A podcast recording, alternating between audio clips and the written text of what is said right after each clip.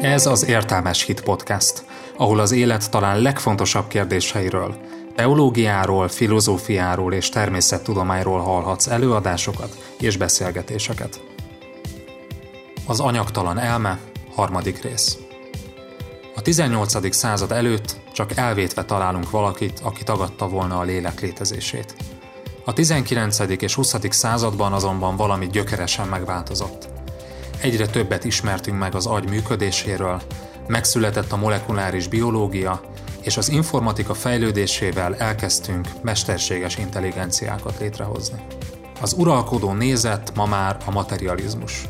Az elme és a lélek semmi más, mint egy fizikai jelenség, azaz az elme egyenlő az aggyal. De valóban így van ez? Ungvári Péter az előadás sorozat harmadik részében bemutatja a szubstancia dualizmus, azaz egy anyagtalan elme létezése mellett és ellen szóló érveket. Az előadások videóit és a prezentációt megnézheted az értelmeshit.hu oldalon. No, szeretettel köszöntelek benneteket. Én Ungvári Péter vagyok, az Értelmes Hit kezdeményezésnek az egyik alapítója, és az előző két hétben már beszélgettünk erről a témáról, és ugye ez a három részes sorozat a tudatról szól, a tudatosságról. Az első alkalommal azt néztük meg, hogy, hogy miért különleges a tudat, miért kell egyáltalán erről a témáról beszélni. Itt több természettudóst, ateista filozófust idéztem, akik elmondják, hogy a tudat problémáját az jelenti, hogy alapvetően különböznek a tulajdonságai a fizikai rendszerekétől látszólag. Ilyen tulajdonság például az, hogy szubjektíven éljük át ezeket, szubjektíven van hozzáférésünk, objektíven nem vizsgálható például az, hogy mit, mit jelent ránéznem erre a székre. Nyilván meg lehet nézni azt, hogy mi játszódik le közben az agyamban, de maga az érzet, az a fizikai rendszerektől egy teljesen látszólag különböző dolog. Ezen kívül a másik, hogy nincsenek például fizikai jellemzői a tudatnak. Tehát nem tudjuk azt mondani, hogy egy kiló fájdalom, vagy egy méter öröm, vagy valami hasonló. Ami elvárható lenne, hogyha fizikai rendszerekről lenne szó. És mindezeket nem én mondom, illetve hívő tudósok, hanem olyan ateista személyek, mint David Chalmers vagy Sam Harris, akik, akik maguk továbbra is ateisták, de azt mondják, hogy a tudat problémája, Harris úgy fogalmaz, hogy egy misztérium, egy titok, ami érdekes egy naturalista világnézetből, amely azt mondja, hogy csak a természeti világ létezik. Többre ez volt az első alkalom. A második alkalommal pedig megnéztük azt, hogy mit kezdenek ezzel a naturalista személyek, milyen különböző elméleteket dolgoznak ki arra, hogy mit kezdjünk a tudatnak ezzel, ezekkel a különböző tulajdonságaival. Végignéztük ezeket az elméleteket. Ezek közül az első négy azt mondja, hogy a tudat alapvetően visszavezethető a fizikai síkra. Tehát azt állítja, hogy ha egy kicsit jobban értenénk az agy működését, akkor meg tudnánk fejteni a tudatot. Az ötödik, a tulajdonság dualizmus viszont azt mondja, hogy a tudatban valami minőségében más dolog jelent meg az univerzumban. Tehát olyan, mint amikor különböző atomok összeállnak egy asztallá, akkor megjelenik a, mondjuk a keménységnek a tulajdonsága, ami egyetlen atomra sem igaz, de hogyha egy asztal formában rendeződik, akkor megjelenik ez a tulajdonság.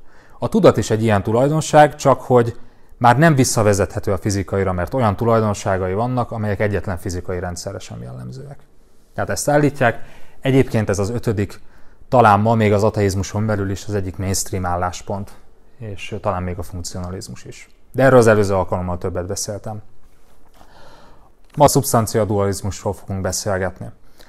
Ez egy nem naturalista, nem materialista elmélet. Ez az elmélet szerint a tudat valóban minőségében más, ez azonban azt is jelenti, hogy a világunk, a teljes valóság alapvetően nem csak fizikai entitásokból, fizikai létezőkből áll, hanem van mellette egy, egy másik entitás is, amit nevezhetünk mentális entitásnak, nevezhetünk léleknek vagy szellemnek, ez már teológiai kérdés, hogy, hogy pontosan hogyan fogjuk ezt körülírni, de ez a nézet azt állítja, hogy a tudat az alapvetően más. És ugye felmerül a kérdés, hogy mit jelent a szubstancia, minek a dualizmusáról beszélünk, minek a kettősségéről. Ugye a szubstancia szónak a jelentés az valami olyasmi, hogy valami, ami alá támaszt, substance, tehát valami, ami alulról megtámasztja a valóságot. Ezt valahogy úgy tudnám összefoglalni, hogy ez az az alapegység, amiből a valóság összeáll. Tehát, hogyha mondjuk a fizikai rendszereket nézem, akkor a fizikai rendszereken belül mondjuk a szubatomi részecskék, a fundamentális alaperők, mint a gravitációs erő, az erős és gyenge kölcsönhatás és az elektromágneses erő, ezeknél nincsen alapvetőbb mondjuk a fizikai rendszereknél. Nem tudjuk azt mondani, hogy az elektromágneses kölcsönhatást még valahova visszavezetjük. Tehát ezek a fundamentumai a fizikai rendszereknek. A szubstancia dualizmus azt állítja, hogy van valami más szubstancia, ami az alapját képezi mondjuk a tudatunknak. Ezt mondjuk nevezhetjük léleknek is, a leegyszerűsítés kedvéért. Csak azért magyaráztam el így, talán egy kicsit bonyolultabbnak tűnhető módon, hogy, hogy lélek alatt itt most pontosan mit is értünk. Hát valami mást, ami különbözik a fizikai rendszerektől. És ez azért fontos kérdés, mert ugye a tudatunkhoz mindenkinek van hozzáférése, sőt, hát ebben éljük az életünket. Descartes szerint ez az egyetlen, amiben biztosak lehetünk. Ha minden más nem is igaz, az a tény önmagában, hogy, hogy van egy tapasztalatunk, ez azt jelzi, hogy van valaki, aki ezt a tapasztalatot átéli. És hogyha van egyetlen entitás a világképünkben, amelyik nem fizikai, akkor ez megnyitja az utat az összes többi entitás előtt. Milyen más nem fizikai entitásokat ismerünk, hát nevezetesen például Istent is egy nem fizikai, szellemi létezőként foghatjuk fel. Tehát ezért érdekes ez a kérdés, mert a tudattól már csak egy lépés elfogadnunk azt, hogy van valami más a természeten kívül, és ezért nagyon fontos kérdés, és ezért foglalkoznak így a tudat kérdésével, mind a teista, mind az ateista oldalon. Ennek az egyik ismert példája az ismert kanadai pszichológus, aki két hete járt talán Magyarországon, és kezet fogott Orbán Viktorral, Jordan Peterson. Saját bevallása szerint 20 éves korában ateista volt, ám több vallásos élmény kapcsán a tudat létezése az, ami elgondolkoztatta Isten létezéséről. Egyik előadásában azt mondja, a tudat egy tisztán objektív, azaz naturalista világnézetnek a legnagyobb akadálya. Tehát ha nem lenne tudat, akkor nem lenne akadálya a naturalista világnézetnek, bár akkor nem lenne, aki átélje a naturalista világnézetet sem. Én nem állítom azt, hogy Peterson keresztény lett ennek hatására, tehát szerintem egyfajta ilyen misztikus, jungi vonalat követ, de többek szerint mondjuk útban van a kereszténység vagy valami fajta vallásosság felé. Tehát ezért egy érdekes kérdés, mert ő például ezen akadt fel 20 éves korában. A mai kérdés tehát az, hogy melyik világnézet mellett tesszük le a voksunkat, amikor látjuk a saját tudatunknak, az emberi tudatnak a tulajdonságait. J.P. Morland, filozófus, aki ezzel a területtel foglalkozik, úgy érvel, hogy ha valaki naturalista, azaz azt vallja, hogy csak a fizikai világ létezik, akkor ő csak az első négy elméletet fogadhatja el.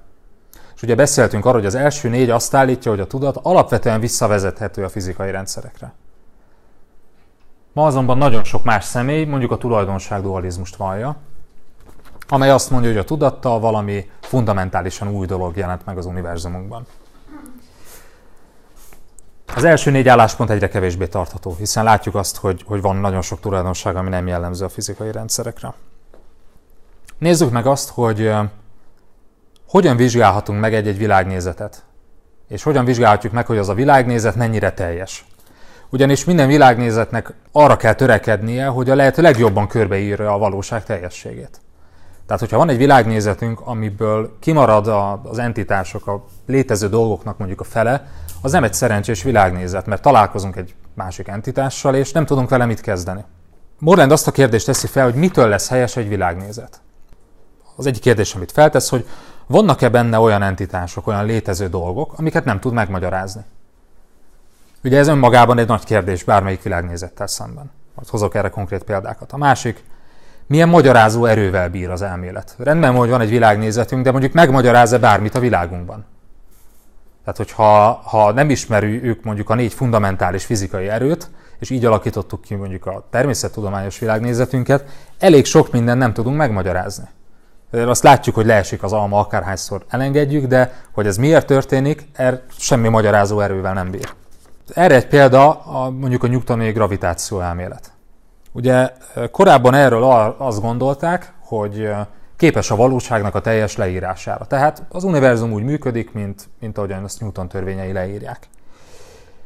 Később viszont kiderült ugye a 19. század végén, hogy ez nem így van. Például, majd erre később visszatérek, például találkoztak mondjuk fekete lyukakkal. Mondjuk ez már a 20. században volt. Ez abszolút nem illik bele egy newtoni világképbe, newtoni világnézetbe. Vagy nagyon nagy tömegű testek, mondjuk nagy, nagy tömegű bolygókkal. ismét Morlandtől idézek, ő JP Morland, három szempontot ad meg, ami alapján el tudunk fogadni, vagy el tudunk utasítani egy világnézetet. Az egyik az az úgynevezett alapszintűség, mindent meg fogok magyarázni. Basicality. Azaz, hogy a benne található jelenségeket mennyire lehet alapszintűnek tekinteni. Alapszintűnek nevezi Morland azokat a jelenségeket, amiket csak le kell írni, de nem kell megmagyarázni. Tehát például a gravitáción nincs mit megmagyarázni. Az egyszerűen csak létezik. Nem tudjuk megmondani, hogy miért történik. Viszont például az asztalnak a keménysége nem egy alapszintű tulajdonság, hiszen ez visszavezethető az atomok közötti kötésekre, amely visszavezethető az erős és gyenge magerőkre, és, a, és mondjuk az elektromágneses kölcsönhatásra. De az elektromágneses kölcsönhatást már nem kell megmagyaráznom, hogy az mitől van, mert az egyszerűen csak van. Ezt jelenti az alapszintűség. Na most a tudattal mi a helyzet? A tudat alapszintű-e mondjuk a teista világnézetben, mondjuk a kereszténységen belül? Természetesen alapszintű, hiszen a kereszténység szerint Isten az eredendő létező, aki egy szellemi immateriális lény, tehát egy, egy alapszintű, nem megmagyarázandó dolog, hogy létezik valami, amit mondjuk szubjektív élménynek nevezünk. Naturalizmuson belül viszont a tudatot nem nevezhetjük alapszintűnek, tehát meg kell magyaráznunk. Nem mondhatjuk azt, hogy a tudat egy fundamentális dolog, mert nem következik a fizikai rendszerekből. A tudat tehát a naturalizmus szerint nem más, mint egy úgynevezett nyers tény, tehát amit egyszerűen el kell fogadnunk, mert nem tudunk rá egyéb magyarázatot adni. Nyilván nem a minden fizikalista, tehát nem minden materialista álláspont szerint van ez így, de akik azt mondják, hogy valami fundamentálisan új dolog jelent meg az univerzumban a tudattal, azok azt mondják, hogy ez, ez egyszerűen csak így van. Ha az agy valahogyan összeáll, akkor abból lesz valami tudat. Pont. Ezt el kell fogadnunk. Hogy erre hozzak egy példát. A newtoni elmélet szerint, a newtoni gravitáció elméletben a fekete lyuk az egy nyers tény. El kell fogadnunk, hogy hát igen, bizonyos dolgok egyszerűen így léteznek. Azonban a materialista világnézet ezt nem fogadhatja el, ezért is jött az általános relativitás elmélet. Amivel már megmagyarázták ezt. Tehát nem egy alapszintű dologgá tették, hogy igen, vannak fekete lyukak, hanem egy teljes körű magyarázatát adták eznek a fizikai rendszernek. Morland és én magam is azt állítom, hogy a naturalizmuson belül nem létezhetnek nyers tények, tehát ilyen jellegű nyers tények, amiket azt állítjuk, hogy egyszerűen csak van. Ugyanis a naturalizmusnak a középpontjában a redukció áll. Az, hogy mindent meg kell magyaráznunk fizikai síkon. Tehát én úgy gondolom, hogy ha a, az alapszintűség kritériumát nézem, akkor a naturalizmus gyengébb lábakon áll, mint a szubstancia dualizmus, amely szerint van egy másik alap, alapvető létező, a mentális létező. Nem tudom, hogy ez így követhető volt-e, érthető-e a, az alapszintűségnek a, a lényege. Jó. Igen? Nem, az, az abszolút, így van, így van, az alapszintű. Próbálnak, próbálnak egyébként keresni, ugye a mindenség elmélete nevű elképzelés, az, az egy még alapszintű dolgot keres, azt mondja, hogy, hogy nincsen olyan, hogy ez a négy fundamentális erő, ez négy, valójában van egy központi törvény, amely mind a négyet meghatározza. Igen. Az igazából csak egy empirikus bizonyítása annak, hogy a, a, a gravitációs mezőnek is, tehát a gravitációnak is van hullám természete. Ennyi. De az, az csak, azzal csak jobban leírtuk a gravitációt, nem kerestünk valamit, ami megmagyarázza a gravitációt. Egyébként semmi bizonyíték nincs arra, hogy ennél a négy dolognál van alapvetőbb dolog. Tehát, hogy, hogy a mindenség elméletében jelenleg nullán állunk, milliárd eurók elköltése után. Nagyon sokan metafizikai megfontolásokból keresnek ilyet. A második az a természetesség, ez a naturalness, hogyha valaki rá akar keresni angolul. Azaz, ugye az elméletünkben vannak különböző entitások, mennyire illeszkednek bele ezek a különböző entitások a világképünkbe, ebbe az elméletbe. Ha nem illeszkedik bele, akkor ezt úgy szoktuk nevezni, hogy az az adott jelenség adhok. De ezt biztos ismerjük, hogy csak úgy adhok felhozott valamilyen példát. Ez itt is így történik. Most erre hoz, hadd hozzak egy példát. Például a fogtündér. Engem is meglepett, de Dwayne Johnsonnak tényleg van egy Fogtündér című filmje, amit 2011-ben ő játszotta benne a főszerepet. Csak érdekességként hoztam ide.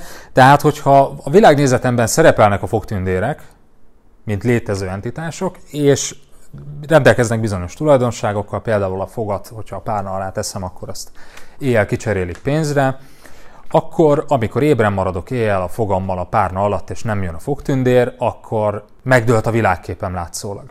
Egy új információ hatására. Azonban adhok hozzá tudok tenni valamit a világképemhez. Például azt tudom mondani, hogy ez a fogtündér csak akkor jön, hogyha nem vagy ébren. Látjuk, hogy ez egy teljesen adhok magyarázat, tehát honnan jön? Csak azért tettük hozzá ezt a magyarázatot, hogy a meglévő világnézetünk ne dőljön össze. Másnap feltelepítek egy kamerát, ugyanúgy nem jön a fogtündér, nem cseréli ki a pénzt, vagy éppen látom a szüleimet, ahogyan kicserélik a pénzt, vagyis a fogamat pénzre. Megint kell valamilyen adhok magyarázat, hogy a világnézetem ne dőljön össze. Például az, hogy, hogy a fogtündér időnként a szüleim áruhájában érkezik és cseréli ki. Tehát látjuk, hogy ezek adhok magyarázatok. Az a kérdés, hogy a naturalizmuson belül, amikor azt mondjuk, hogy igen, a tudat az, az csak úgy létrejön, amikor biológiai rendszerek így összeállnak, ez vajon adhok magyarázatnak számít-e? Ez egy elég szubjektív dolog, látjátok, tehát nem tudjuk azt mondani, hogy ettől lesz valami adhok vagy attól.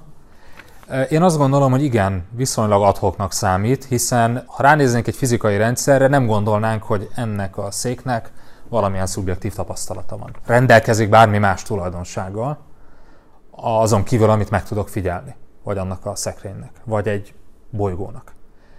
De amikor ránézünk az agyra, ránézünk egymásra, akkor, akkor azt mondjuk, hogy igen, igen, itt van egy tudat, akkor biztos, hogy ha ez a rendszer így összeáll, akkor kell rendelkezni egy tudatossággal.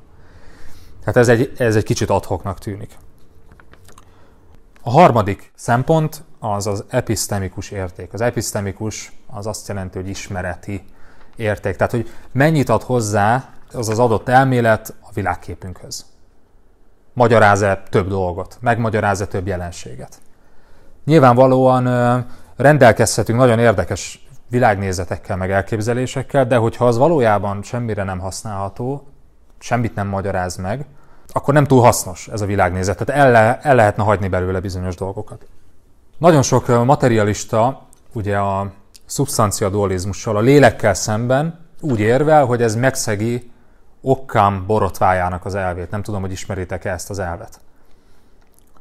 Ugye leegyszerűsítve, hogyha van két elméletünk, két tudományos elméletünk, vagy két világnézetünk, és mind a kettő pontosan ugyanolyan jól magyaráz minden jelenséget, akkor az egyszerűbbet kell elfogadnunk, mert az az egyszerűbb.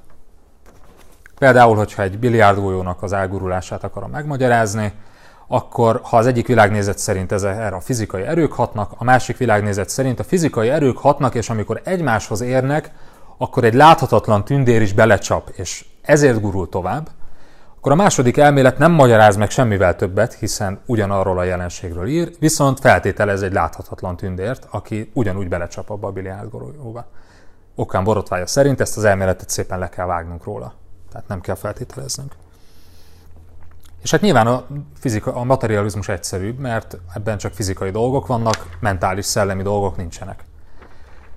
Azonban ezt sokszor félre magyarázzák. Tehát Okán borotvája nem úgy szól, hogy két elmélet közül az egyszerűbbet kell elfogadnunk. Mert akkor mondjuk az egyszerűbb elméletet kellene elfogadnunk, például Newton egyenlete szerintem sokkal könnyebb, mint az általános relativitás elmélet. Ezek szerint Newton elmélete helyes. Viszont az általános relativitás elmélet nagyobb magyarázó erővel bír. Tehát több jelenségre ad magyarázatot. Éppen ezért elfogadhatjuk ezt az elméletet, akkor is, hogyha sokkal bonyolultabb egyenleteket kell megtanulni a fizikus hallgatóknak. Van hat olyan tulajdonság, például amire Morland azt állítja, hogy a szubstancia dualizmus nagyobb magyarázó erővel bír. Ilyen a kvalitatív érzet, tehát hogy tudjuk, hogy milyen átélni mondjuk ennek az asztalnak a megfogását. Az az érzet, az az érzés, vagy mondjuk az, ahogy beverem a lábamat az asztalba. A másik az intencionalitás, erről múlt héten beszélgettünk. Nem akarok idegen szavakat mondani, ez csak annyit jelent, hogy a gondolataink például mindig valamire irányulnak. Tehát a gondolatainknak mindig van valamilyen tárgya. De ennek a széknek nincsen semmilyen irányultsága, ez egyszerűen csak van. A gondolatainknak pedig kell, hogy legyen intencionalitása. Közvetlen és privát hozzáférés. Tehát mi rendelkezünk a legnagyobb biztonsággal, tudással arról, hogy mi megy a gondolatainkban, a tudatunkban. Egyes szám első szeméből származik a létezésük. Tehát nem létezhet máshogy tudat. Hiányoznak a fizikai tulajdonságok, erről beszéltünk, és a szabad akaratnak a tapasztalata. Tehát, hogy meg tudom tenni azt, hogy fölemelem a jobb kezem vagy a bal kezem. Ugye ezek a jelenségekre jobb magyarázatot ad a szubstancia dualizmus, mint a materializmus. Hiszen a kvalitatív érzet nem következik abból, hogy, hogy anyagból állunk. Úgyhogy ha ezt a hatot meg tudja magyarázni jobban a fizikalizmus, a materializmus, akkor kerül egy szintre az, a két elmélet, és akkor tényleg okkán borotvája dönt. De jelenleg én éppen amellett érvelek, hogy ez a két elmélet nem áll egy szinten. Nem tudom, hogy érthető volt-e ez a három pont így. Alapszintűség, természetesség, tehát hogy mennyire illik bele a világképbe, fogtündéres példa, és az episztemikus érték, tehát hogy megmagyaráz-e plusz dolgokat, vagy csak felesleges dolgokat sorolunk. Most azt néztük meg, hogy melyik világnézet hogyan áll ebből a három szempontból. Én úgy látom, hogy a szubstancia dualizmus jelenleg egy orhosszal vezet körülbelül. Azonban van egy másik fontos érv is, amellett, hogy létezik lélek, létezik immateriális létező. Ez pedig az úgynevezett mentális okozás. Most nevezhetném úgy is, hogy szabad akarat, de nem egészen erről van szó. Tehát egyszerűen csak arról beszélünk, hogy a tudatunknak hatása van a fizikai világra. Nagyon leegyszerűsítve. Tehát amikor ide teszem a kezem, akkor nyilvánvalóan erőhatást fejtettem ki erre az asztalra. Az a kérdés, hogy engedheti-e egy materialista világnézet azt, hogy ez valóban a tudatomból keletkezett ez a mozdulatsor, és én döntöttem el azt, hogy ezt a mozdulatot most végig fogom vinni, vagy sem. Most a legtöbb ateista filozófus szerint ezt nem engedhetjük meg. Tehát egy materialista világnézetbe például nem fér bele a szabad akaratnak a létezése. Hiszen mindent fizikai rendszerek határoznak meg és írnak le. Tehát minden, ami a fizikai világban történik, ez előre meg van határozva. Hogyha ismernénk az univerzum pontos állapotát, minden atomnak minden jelenlegi helyzetét és, és mozgását, akkor meg tudnánk határozni az univerzum bármelyik időpillanatában, bármelyik jövőbeli vagy múltbeli állapotot. Körülbelül ez a, a toralista világnézet. Azonban rendszeresen tapasztaljuk azt, hogy ez nem így van, tehát hogy hozunk szabad döntéseket, van szabad felelősségünk, és éppen ezért úgy tűnik, hogy van szabad akaratunk. Azonban ezt nagyon sok materialista nem fogja elfogadni.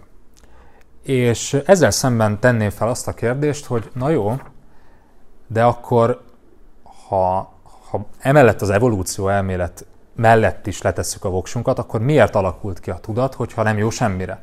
Mert akkor látszólag nincsen semmilyen hatással a fizikai világra a tudatunk.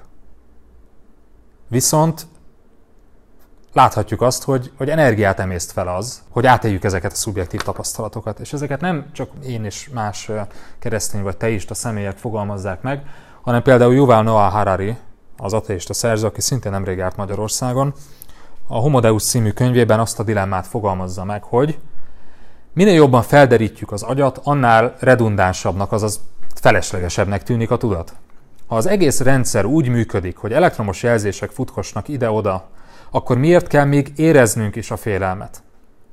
Ha az elektrokémiai reakciók lánca a szem idegsejtjeitől a lábizmokig teljes, akkor minek szubjektív tapasztalatokat is hozzáadni? Mire jók azok?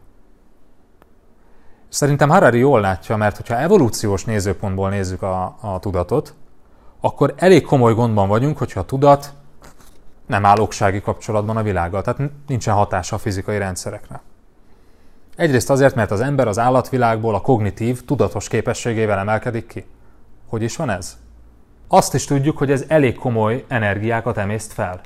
Ugye az agyunk a testtömegünknek csak 2%-a, de az energiafogyasztásnak 20%-át teszi ki. Átlagosan. Nyilván azt nem tudjuk mérni, hogy a szubjektív tapasztalat pontosan mennyit ad ehhez hozzá. Próbáltam olyan kutatást keresni, ami például megnézi, hogy alvajárás esetén, amikor egészen komplex dolgokat meg tudunk csinálni, tehát bevásárolni tudunk, meg hasonló, mindent el tudunk végezni, csak nincsen tudatunk, de nem találtam olyan kutatást, ami mérné azt, hogy, hogy mi a, mi a, mennyi a különbség mondjuk a két agyi energiafogyasztás között.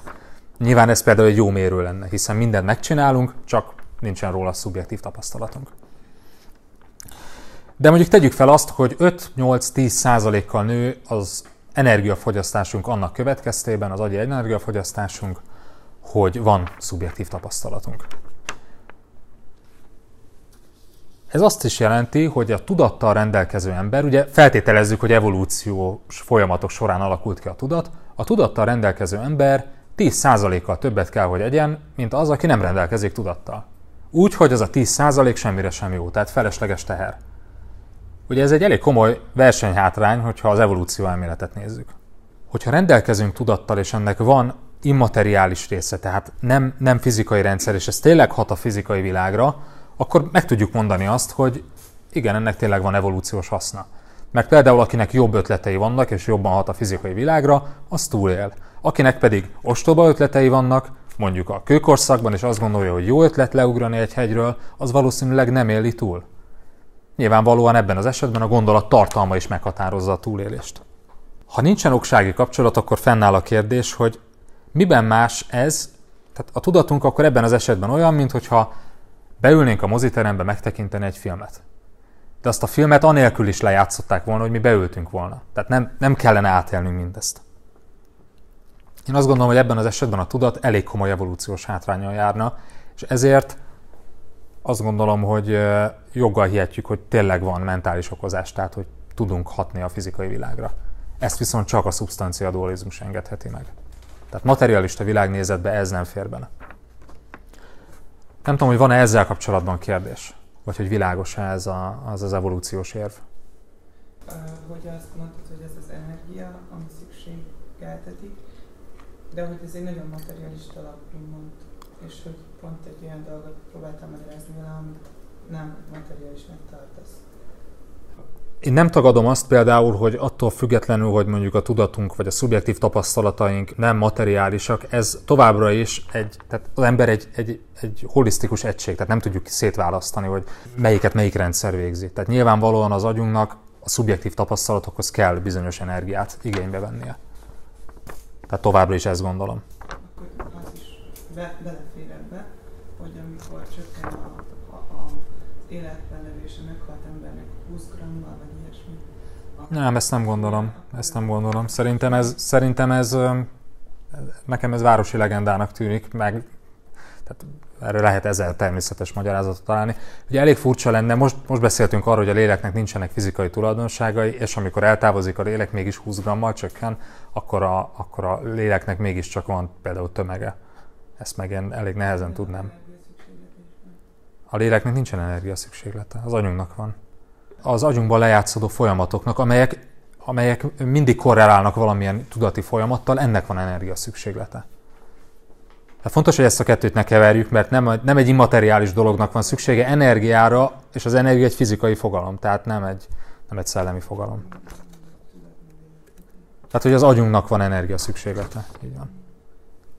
Most próbáltam a, a materialisták oldaláról érvel, érvelni. Tehát azt mondani, hogy, hogy van egy fizikai rendszer, amiben van egy szubjektív tapasztalat, ami nyilvánvalóan energiát igényel, mert ha nem lenne, akkor valószínűleg kevesebb számítási kapacitás kellene. És elég bonyolultnak tűnik azért a tudatos tapasztalat, tehát nem egy egyszerűen kivitelezett dolog. Én amellett érvelek, hogy ha ez energiát emészt fel, akkor kellene, hogy legyen ennek haszna. Máskülönben teljesen haszontalan. Vannak egyébként érdekes kutatások erre. Próbáltam ugye megnézni, hogy egy általános altatás közben mennyivel csökken, a, mennyivel csökken az energiafogyasztása az emberi szervezetnek. Ugye akkor csak az életfunkciók mennek le. Tehát a, szervezetünk továbbra is ugyanúgy üzemel, az agy ellát bizonyos funkciókat, de a tudati tapasztalat hiányzik. De ez nem teljesen korrekt, mert például vannak más folyamatok is, amik a tudati állapotra járnak. Tehát az alvajárás lenne szerintem a legérdekesebb. Én olyan kutatásról tudok, szendergéshez közeli csukott szemmel elvazult állapotban heverés energiafogyasztását nézték az erős koncentrációt és szellemi kalkulációt. És mennyi volt a különbség? Egy százalék. Egy százalék? Akkor ez annyit jelent, hogy igazából az erős gondolkozással nem fogyaszt többet az agyunk, mint hogyha egyszerűen csak pihenünk és lazán úgy majdnem tudatunknál vagyunk. A tudat meg a lélek szinonima, nem szólít, tudatlanságban a lélek. Most azért nem akarok ebbe belemenni, mert ugye a szubstancia dualizmus mellett érvelek. Egyelőre csak annyit akarok mondani, hogy van valami más, ami, amit mondjuk nevezzünk mentális szubstanciának. Ami a tudatnak az alapvető eleme. Olyan, mint a fizikai rendszereknek, vagy a gravitáció. Vagy a szubatomi részecskék. Tehát, hogy van valami más. Az már szerintem egy teológiai kérdés, hogy ez a valami más, ez, ez hogy néz ki. Ha ezt az egyet elfogadjuk, akkor szerintem a világ végig lehet vitatkozni a zsidókkal, keresztényekkel, buddhistákkal, panteistákkal, mindenkivel arról, hogy ez hogy néz ki.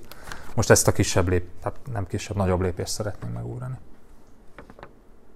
No, és hogy korrektek legyünk, szeretnék felhozni ellenérveket ez az elmélettel szemben. És igyekszem azokat az ellenérveket hozni, amit a leggyakrabban hoznak fel a szabad akarat, a lélek, az elme, vagy bármi másnak nevezhetjük, létezésével szemben.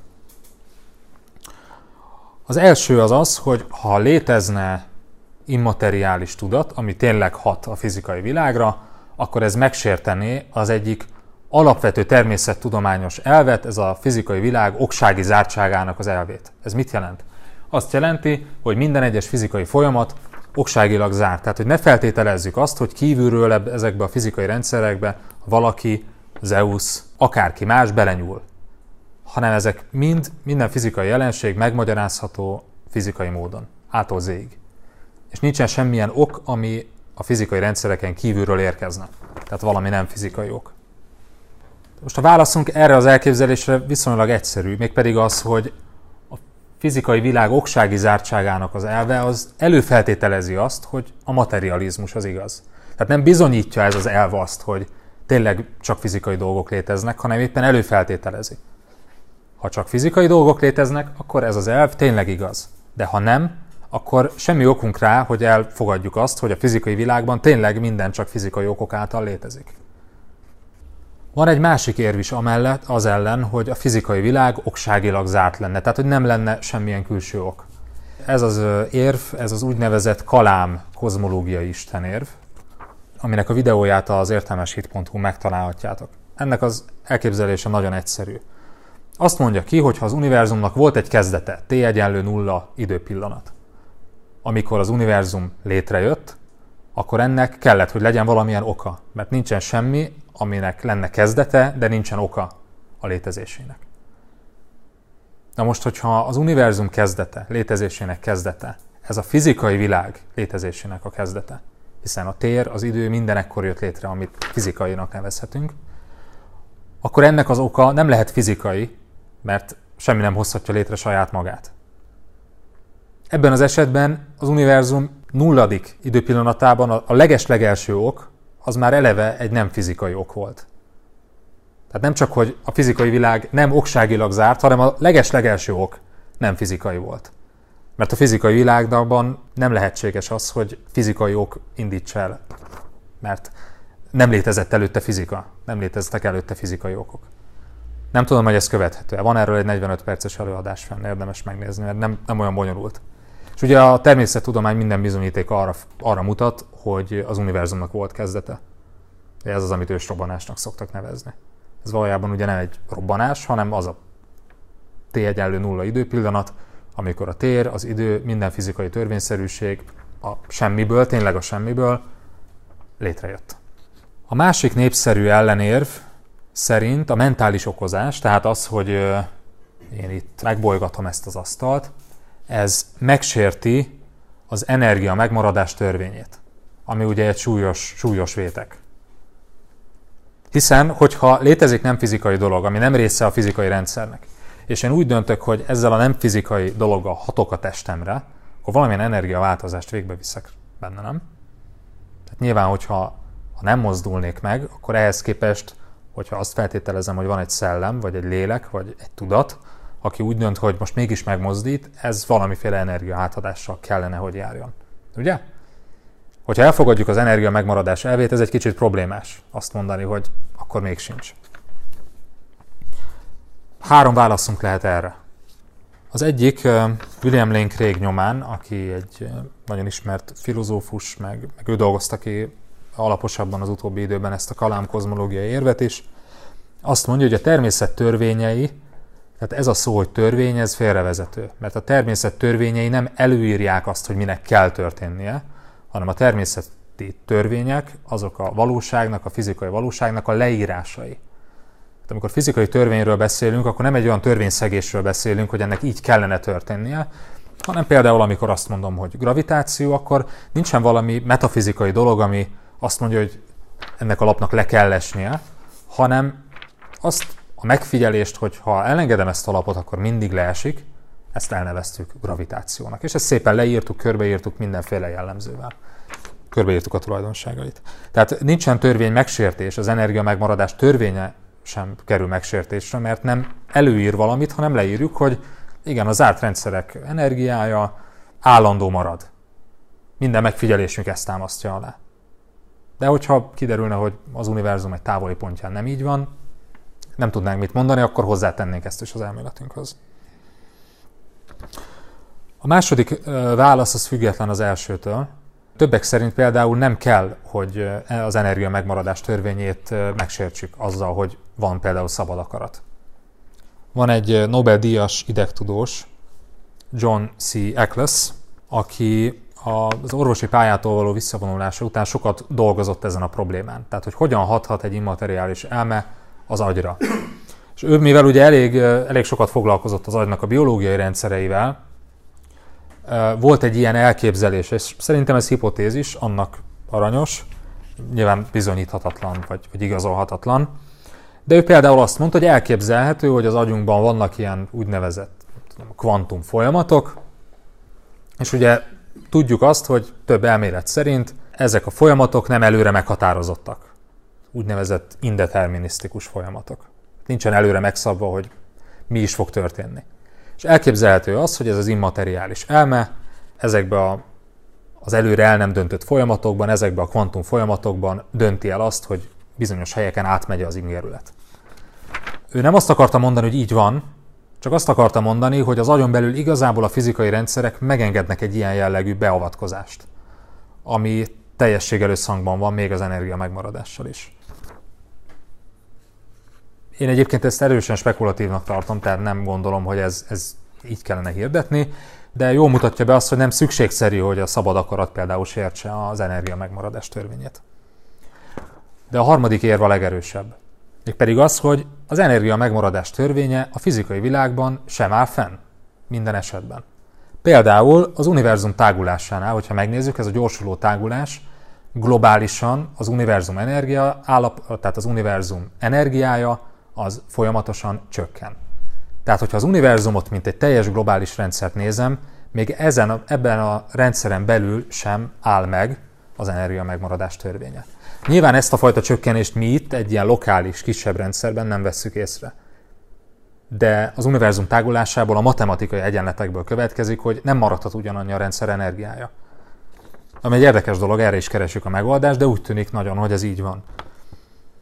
A másik egyébként ugye a kvantummechanikából származik, ahol energiaátadás vagy közvetítő közeg nélkül is történhet interakció. Tehát látszólag ez is sérti az energia megmaradás törvényét. Tehát, hogyha ezekben a fizikai folyamatokban megengedjük, hogy bizonyos helyeken legyen kivétel az energia megmaradás törvénye alól, akkor semmi akadálya nincs annak, hogy ebben a helyzetben is tegyünk egy kivételt, és azt mondjuk, hogy igen, ebben az esetben sem áll fenn az energia megmaradás törvénye.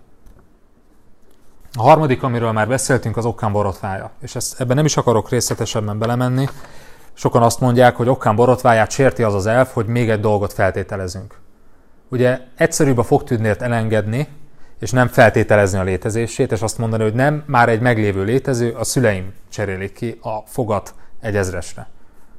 Tehát nem kell még egy, egy láthatatlan manót is feltételezni a mögött. Azonban, ahogyan láttuk, Okkán borotvája akkor működik, hogyha a két elmélet egyenrangú, és mind a kettő teljesen jól megmagyaráz mindent.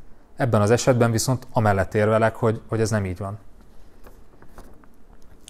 A negyedik érv az, az talán az egyik legnépszerűbb, ez az úgynevezett rések istene érv. Levente bólogat, ezt sokat, sokat olvastad Richard Dawkinsnek a könyvében.